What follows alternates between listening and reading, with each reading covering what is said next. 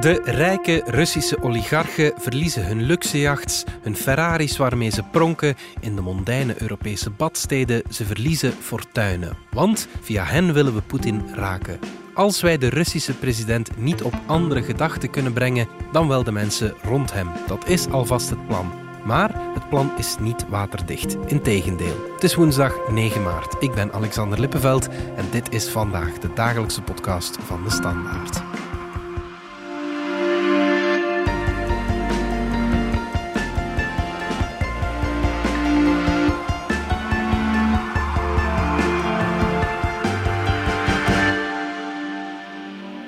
Jarenlang waren de Russische oligarchen meer dan welkom in Europa. Maar sinds de inval in Oekraïne wordt er op hen gejaagd. De Europese sancties nemen hen in het vizier. We are also targeting the Russian elite by curbing their deposits so that they cannot hide their money anymore in safe havens in Europe. En ook Amerikaans president Joe Biden heeft het op hen gemunt. Today I'm announcing that we're adding dozens of names to the list including one of Russia's wealthiest billionaires, and I'm uh, banning travel to America by more than 50 Russian oligarchs, their families, and their close associates. Annelien de Greef, chef economie. De Russische oligarchen die komen in het vizier. Om te beginnen moeten we misschien even duidelijk stellen wie die oligarchen juist zijn. Ja, zeker de oligarchen. Dat zijn eigenlijk zakenlui die na de implosie van de Sovjet-Unie fortuin hebben gemaakt. Onder meer bij de privatisering van staatsbedrijven en later ook door hun goede connecties met het Kremlin. En hebben ze dan ook politieke macht? Wel, aanvankelijk zeker wel. De eerste oligarchen, dat was ten tijde van Boris Yeltsin, die waren echt wel heel erg verstrengeld met de macht. Met de komst van Poetin is dat een beetje veranderd. Vandaag de dag zijn ze nog altijd zeer rijk en hebben ze nog altijd heel goede connecties met het Kremlin. Mhm. Maar de vraag is een beetje of ze, hoeveel invloed ze nog echt hebben op Poetin. Wat wel vaststaat is dat ze ontzaglijk veel geld hebben. Weten we hoeveel dat ongeveer is? Stel dat eens in perspectief. Ja, het is heel moeilijk natuurlijk om, om daar echt een, getal op te plakken. Maar er zijn wel zeker studies naar gedaan. Ik sprak onder meer met Philip Novokmet, dat is een onderzoeker aan de Universiteit van Bonn. Mhm. En die heeft samen onderzoek gedaan met de Franse economen Gabriel Zoekman en Thomas Piketty rond mhm. hoeveel rijkdom die oligarchen eigenlijk bezitten. En op een bepaald moment, een paar jaar geleden, bleek dat dat eigenlijk overeenkwam met ongeveer 85 procent van de Russische economie, die uh, dan vooral eigenlijk in het buitenland geparkeerd staat, vaak in belastingsparadijzen en zo. Dat gaat echt over een heel, heel, heel groot uh, bedrag. En wat ook zo is, dat, dat Rusland eigenlijk een van de meest ongelijke landen op dat vlak is. Dus er is in geen enkel land of toch in weinig landen zoveel rijkdom geconcentreerd in zo weinig handen. Zelfs meer dan in China of in de Verenigde Staten bijvoorbeeld. En hoe zijn ze aan dat geld gekomen? Wel, bij de implosie van de Sovjet-Unie zijn er heel veel staatsbedrijven geprivatiseerd. En op dat moment zijn eigenlijk ja, slimme en zakenlui zijn erin geslaagd om eigenlijk dan uh, zich in die sectoren, zoals bijvoorbeeld energie, uh, waar veel geld mee te verdienen viel, hebben ze dat naar zich toe kunnen trekken. Ze zijn ook vooral bekend van hun ja, heel rijke jetset-achtige leven. Hè? Ja, Zeker, ja, ja, ja, absoluut. Die tot de verbeelding spreekt en die nu ook voor het eerst, we wisten dan natuurlijk wel, hè, dat die zeer rijk waren en dat die in Londen ja, villa's hadden en, en dure wagens hadden. Mhm. Maar uh, de laatste dagen, nu dat de jacht een beetje geopend is op die oligarchen, ja, zien we plots ja, hoeveel jachten er bijvoorbeeld van die rijke oligarchen hier gewoon in Europese havens liggen. De laatste weken zagen we een soort van ja, exodus van die, van die jachten uit de Europese havens. Hè? Uh, ja. dat is eigenlijk heel goed te volgen. Er is een, een interessante website, Marine Traffic bijvoorbeeld, mhm. waarop je echt als je de naam van de boot hebt, en die is soms wel te vinden van, van, van sommige van die oligarchen, is dat ook gekend welke boten ze precies op hun naam hebben staan. Mhm. En dan kan je die eigenlijk volgen. En dan toen plots sancties aangekondigd werden, dan zag je plots dat die boten opdoken voor de kust van de Malediven, verschillende boten ook, omdat ze daar veilig zijn en die vertrokken dus vanuit Europa richting veilige orde. Mhm. Er zijn ook boten intussen die ja, Echt geconfiskeerd kunnen we niet zeggen, maar die wel ja, aan de ketting gelegd zijn in een aantal Europese lidstaten. Ja. In uh, Duitsland bijvoorbeeld, in Frankrijk en de afgelopen dagen ook in Italië blijkbaar zijn een paar jachten van, van uh, zeer belangrijke oligarchen, bijvoorbeeld van de CEO van Rosneft, dat is echt het ja, belangrijkste oliebedrijf van, van Rusland, mag de haven niet meer verlaten. Ja, die luxe boten die spreken natuurlijk tot de verbeelding, maar er is meer nodig om die rijke oligarchen te treffen, vermoed ik. Hè? Er worden verschillende sancties genomen in verschillende landen, dus zowel de Verenigde Staten, uh, de UK, als ook de Europese Unie is bezig met uh, sancties op te stellen tegen, ja, om, om Rusland te treffen. Er is een lijst met namen opgesteld. Die verschilt wel van land tot land, dus niet alle namen die op de Europese lijst staan, staan ook op de Britse lijst of op de Amerikaanse lijst. In de eerste plaats gaat het om reisverboden bijvoorbeeld, klassiek. Maar ook echt om uh, ja, bepaalde bezittingen in beslag te nemen eigenlijk. Ja. Dat kan gaan over jachten, dat kan gaan over vastgoed. Dat kan gaan ook over ja, hun rijkdom zelf. Maar, maar dat is ja, heel moeilijk in kaart te brengen soms, omdat dat vaak in belastingparadijzen zit. En er is ook een speciale taskforce opgericht. De landen van de G7 willen echt in kaart brengen waar zit die rijkdom van die Russen. En wat kunnen we eraan doen om die aan te pakken en dat gaat nu echt in kaart gebracht worden. Ja, je kan natuurlijk een boot weigeren om die een haven uit te laten varen, maar je wil dat geld, je wil die rekeningen blokkeren. Ja, precies. Een boot aan de ketting leggen en dus dan nog niet in beslag nemen. Hè, want ik heb de indruk dat zowel in Duitsland als in Frankrijk als in Italië ze eigenlijk nog niet heel goed weten wat ze er eigenlijk mee mogen doen. Ja. Want dat dat toch nog allemaal een beetje vloe is, zeg maar. Dat zou eigenlijk nog het makkelijkste zijn, denk ik. Maar ja, geld dat op een rekening ergens ver weg in een belastingparadijs staat, ja, dat is veel moeilijker om in kaart te brengen in de eerste plaats. Er zijn natuurlijk al wat sancties afgekondigd. Voelen ze die vandaag al in hun portemonnee? Ja, je hoeft niet op een sanctielijst te staan om als CEO van een Russisch bedrijf vandaag geraakt te worden door de algemene sancties zeg maar, die tegen hmm. Rusland uh, genomen werden. Bijvoorbeeld die sanctie waarbij de Russische Centrale Bank getroffen wordt. Heel het bedrijfsleven, maar ook gewone Russen trouwens, die voelen dat Bijvoorbeeld de aandelen van Russische bedrijven in het Westen die zijn enorm gezakt. Hmm. Lukoil bijvoorbeeld, die, de, de, CEO daarvan staat niet op de sanctielijst, maar die voelt dat ook natuurlijk. Hè. Los daarvan een nieuwe naam op de sanctielijst, uh, Mordashov. Dat was een van de belangrijkste aandeelhouders van TUI, het reisconcern. Die heeft zijn aandeel verkocht, dus die heeft zeker ook al de impact gevoeld van de oorlog uh, die Rusland gestart is, absoluut. Hier en daar zijn er trouwens ook van die oligarchen die, die zich nu uitspreken tegen de oorlog zoals de CEO van Lukoil. Maar altijd wel heel ja, in bedekte termen, zeg maar. Het gaat nooit rechtstreeks um, naar Poetin zelf. Die durven ze niet uh, onder vuur nemen, zeg maar. Ja, de bekendste, misschien de meest charismatische, is Roman Abramovich, de eigenaar van Chelsea. Die voelt de gevolgen toch ook al, hè? Wel, gek genoeg ontsnapt hij al jaren aan de sanctielijsten. Dus die heeft nog nooit op een sanctielijst gestaan en die staat vandaag nog altijd niet op een sanctielijst. Maar de laatste dagen lijkt hij toch er niet helemaal gerust op, op, op zijn toekomst zeg maar, in Londen. Chelsea, zijn voetbalclub, heeft hij ja, in de etalage gezet. En er waren ook berichten van persagentschap Bloomberg dat hij ook vastgoed in Londen, hij bezit heel veel vastgoed in Londen, mhm. dat hij dat te koop uh, zou zetten. Ja. Dus er beweegt wel wat. Ik heb de indruk dat de druk wel toeneemt. Ja, je haalde het al aan. Londen bijvoorbeeld is een, ja, daar loopt het vol rijke Russen. De oligarchen werden jarenlang met de rode loper onthaald. Waarom was dat eigenlijk zo?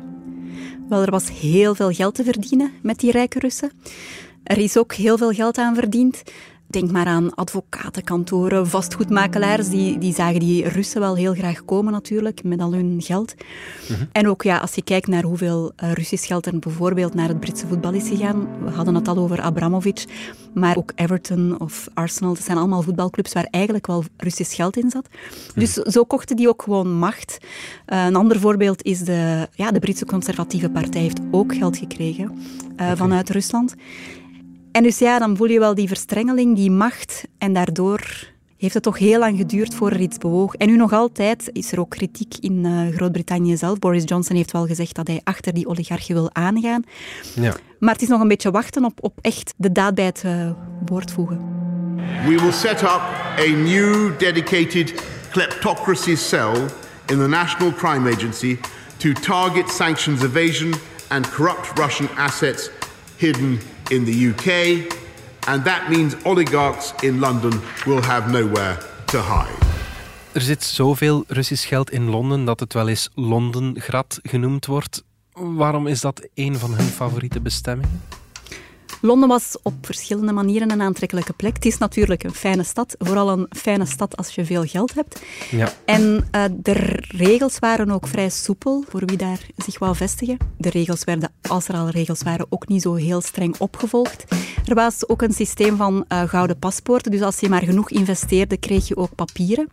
Ja. Londen was zeker niet alleen, Groot-Brittannië was zeker niet alleen uh, daarmee. Ook andere lidstaten van de Europese Unie, ik denk aan Malta, Cyprus, maar ook Portugal hadden allemaal vormen van gouden papieren. Soms paspoorten, soms visa.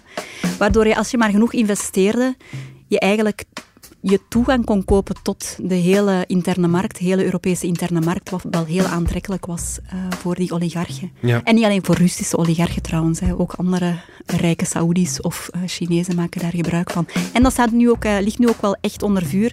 was al heel lang kritiek op, maar deze week, of de laatste dagen voel je wel dat dat beweegt. Deze week ligt dat ook voor in het Europees Parlement. Zou er eindelijk om afgemaakt worden met die gouden paspoorten moet dan wel terug naar de Europese Commissie, waar altijd het gevoel was van ja, maar de lidstaten willen, willen daaraan vasthouden, want dat levert hen goed geld op. Mhm. En nu voel je toch dat daar nu toch echt wel zoveel druk op zit dat de Europese Commissie wellicht ook zal volgen, het parlement zal volgen en met voorstellen zal komen om dat ja, echt komaf mee te maken. Ik denk dat nu echt wel aangetoond is dat dat een ziek systeem was. Um, Je hebt toch ook wel een beetje het gevoel van eindelijk wordt er iets aan gedaan, want er was toch veel corruptie, er was toch veel ja, zwart geld. En, en het lijkt ook wel een beetje een, een moment dat is bijvoorbeeld Gabriel Zoekman, dat is toch een onderzoeker die al jaren vecht voor we moeten die ongelijkheid, die, toch die belastingparadijzen mee ja, in stand houden of versterken. We moeten dat aanpakken. De manier waarop uh, geld weggesluist wordt of, of uh, ja, gebruikt wordt, corrupt, witgewassen wordt. Al die oligarchen komen voor in de Panama Papers, in de Pandora Papers. Constant komen, allez, vallen die namen. Dus zelf al raakt dat Poetin niet, je hebt ook wel het gevoel dat dat voor een stuk daarom politiek ook wel ja, plots in de aandacht staat. Op die manier toch ook ja, iets of wat verandering kan doorgevoerd worden. Mogen we ook even uw aandacht hiervoor? Nu oorlog terug is in Europa, is betrouwbare journalistiek van een nog groter belang. De waarheid is het eerste slachtoffer. Volg in onze app, onze krant, onze video's en podcasts op de voet wat aan het front gebeurt via onze journalisten en fotografen in Oekraïne en aan de Poolse grens. Samen bieden zij u een helder perspectief in de mist van de oorlog. Start vandaag nog met lezen. Bekijk onze abonnementsformules op standaard.be/slash abonneer.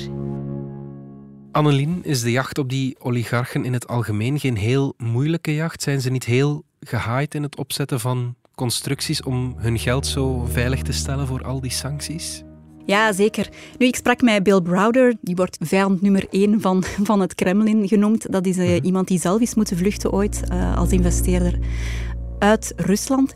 En ik dacht dat hij heel kritisch zou zijn, maar hij was eigenlijk heel optimistisch. Hij, hij had echt het gevoel dat er iets veranderd was, uh, Europees. Dat er eindelijk, en, en, in Amerika ook, dat er eindelijk de, de wil was om er nu echt iets aan te doen. Mhm. Nu, dat is natuurlijk zo, dat blijkt ook. Maar om dat echt ja, uit te voeren, dat is natuurlijk nog iets anders.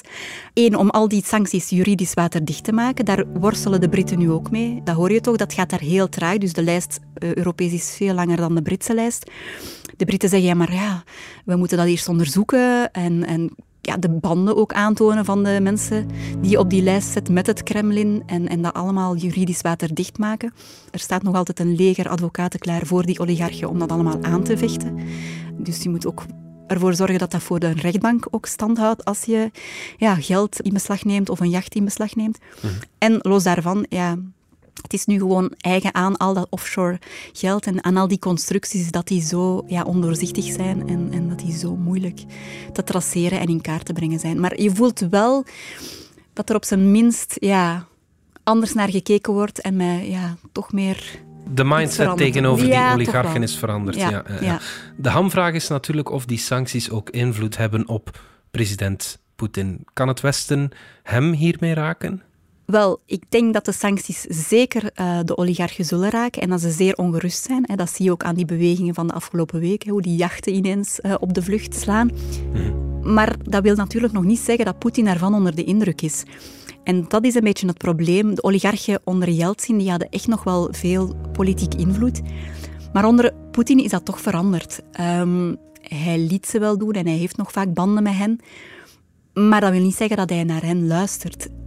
En ja, in die zin is het nog maar de vraag, uh, sancties in het verleden, er waren ook al uh, in 2014 trouwens sancties tegen Rusland, hebben niet echt iets uitgemaakt, zien we nu.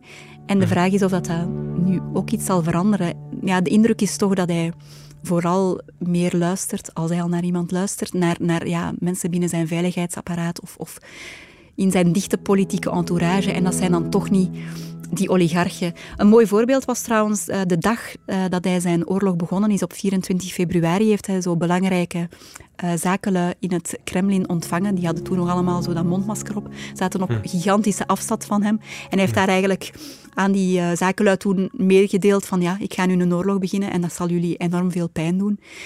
En die konden niet anders dan knikken en, en zeggen van ja, maar we zullen het dan maar doen voor Rusland. Dus daar voelde je, dat beeld zei wel heel veel over ja, die, die macht die toch niet zo heel groot zal zijn. Of die invloed die toch niet hetzelfde is als in de jaren 90. Laat het duidelijk zijn. Deze sancties hebben niet als doel de Russische bevolking te raken. Maar ze moeten de druk opvoeren op het autocratische regime dat vandaag in het Kremlin zetelt. We hoorden premier De Croo in het parlement, in ons parlement. Hij zegt dat we niet de modale Rus viseren met de sancties, maar de rijke oligarch.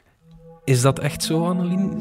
Ja, dat klinkt natuurlijk goed, hè, want zo al die jachten in, in beslag nemen, dat spreekt tot de verbeelding. En, en, maar met andere sancties die we aan het nemen zijn, ja, kan je niet anders... Het, allez, je ziet ook een, een, een soort van opbod van bedrijven die vertrekken uit Rusland.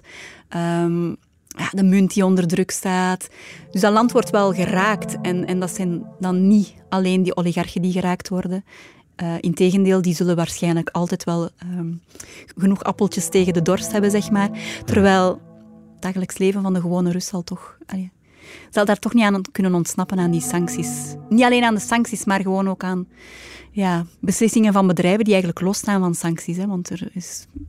IKEA hoeft niet te vertrekken uit Rusland. Er is geen officiële sanctie. Maar je ziet ook dat bedrijven um, zelf beslissen om, om niet meer in het land actief te zijn.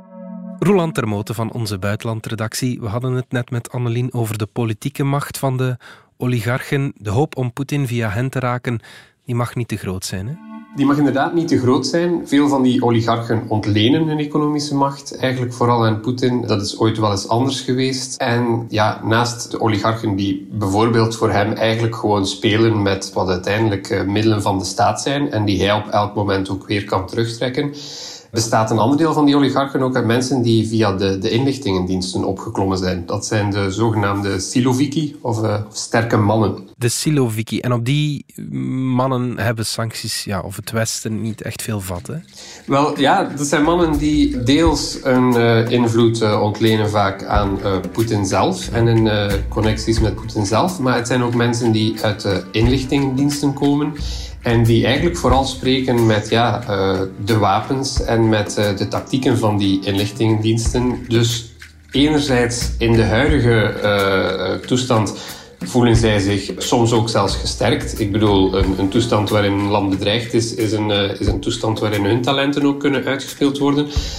Anderzijds uh, staan ze uh, heel dicht bij Poetin. En uh, ja, zij hebben inderdaad meer controle, lijkt het vaak, dan de, de, economische oligarchen, die wel rijk zijn, maar niet de, de, ja, het apparaat van de staat ter beschikking hebben. En dat hebben die Siloviki wel.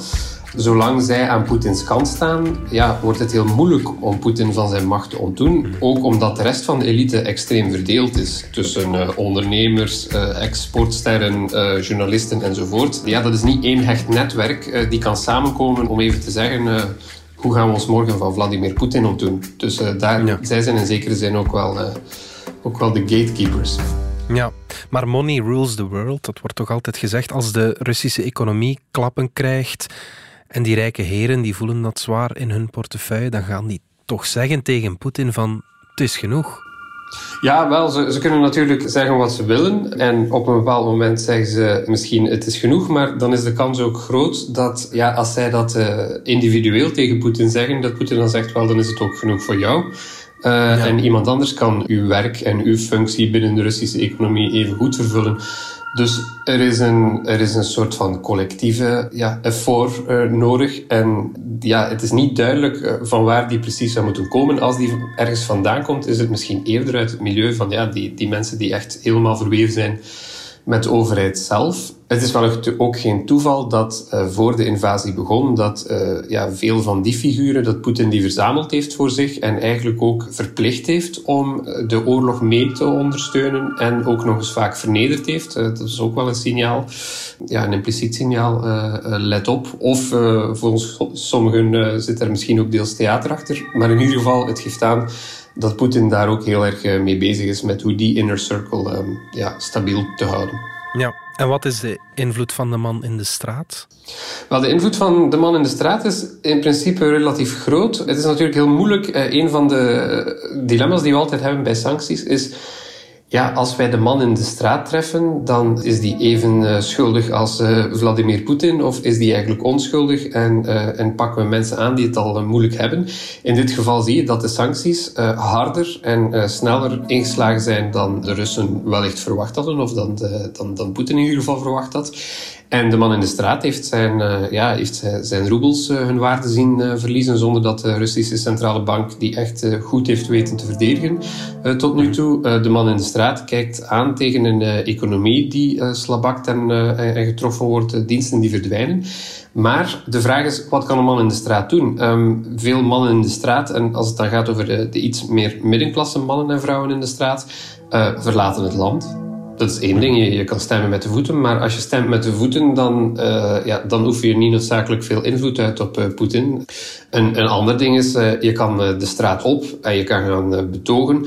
Wel, daar is men zich zeer van bewust. En alle repressiemechanismen zijn het laatste decennium hard opgeschroefd. En nu zijn die duimschroeven nog eens extra aangedraaid mm. in de laatste dagen. Iedereen wordt opgepakt. Het woord oorlog mag niet meer vernoemd worden ja, de, de vrije media die worden volledig gemuilkorfd op dit moment. En tegelijk is er ook een propagandamachine die op gang komt.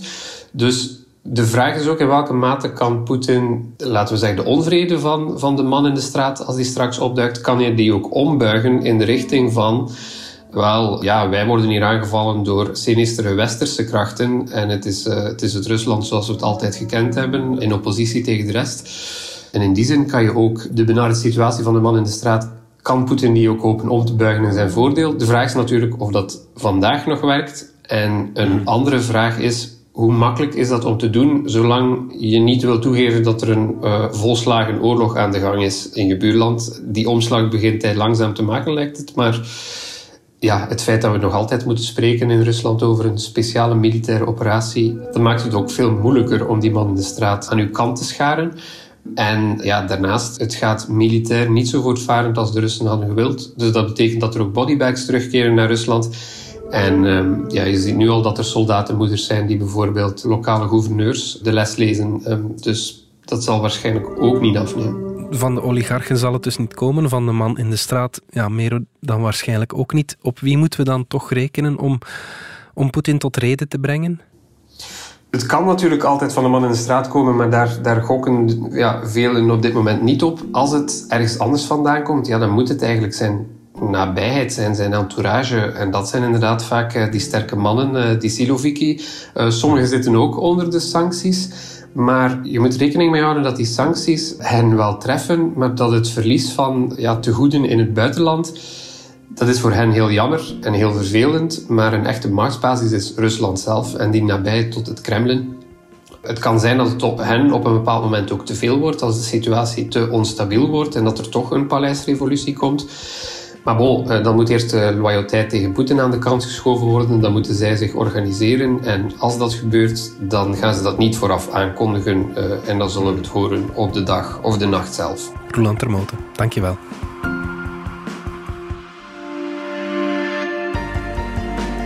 Dit was vandaag de dagelijkse podcast van de Standaard. Bedankt voor het luisteren. Ken je trouwens DS Podcast al, de podcast-app van de Standaard? Daar luister je niet alleen naar onze journalistieke reeksen, je krijgt ook elke week een eigenhandige selectie van de beste nieuwe podcasts op de markt. Alle credits van de podcast die je net hoorde vind je op standaard.be-podcast.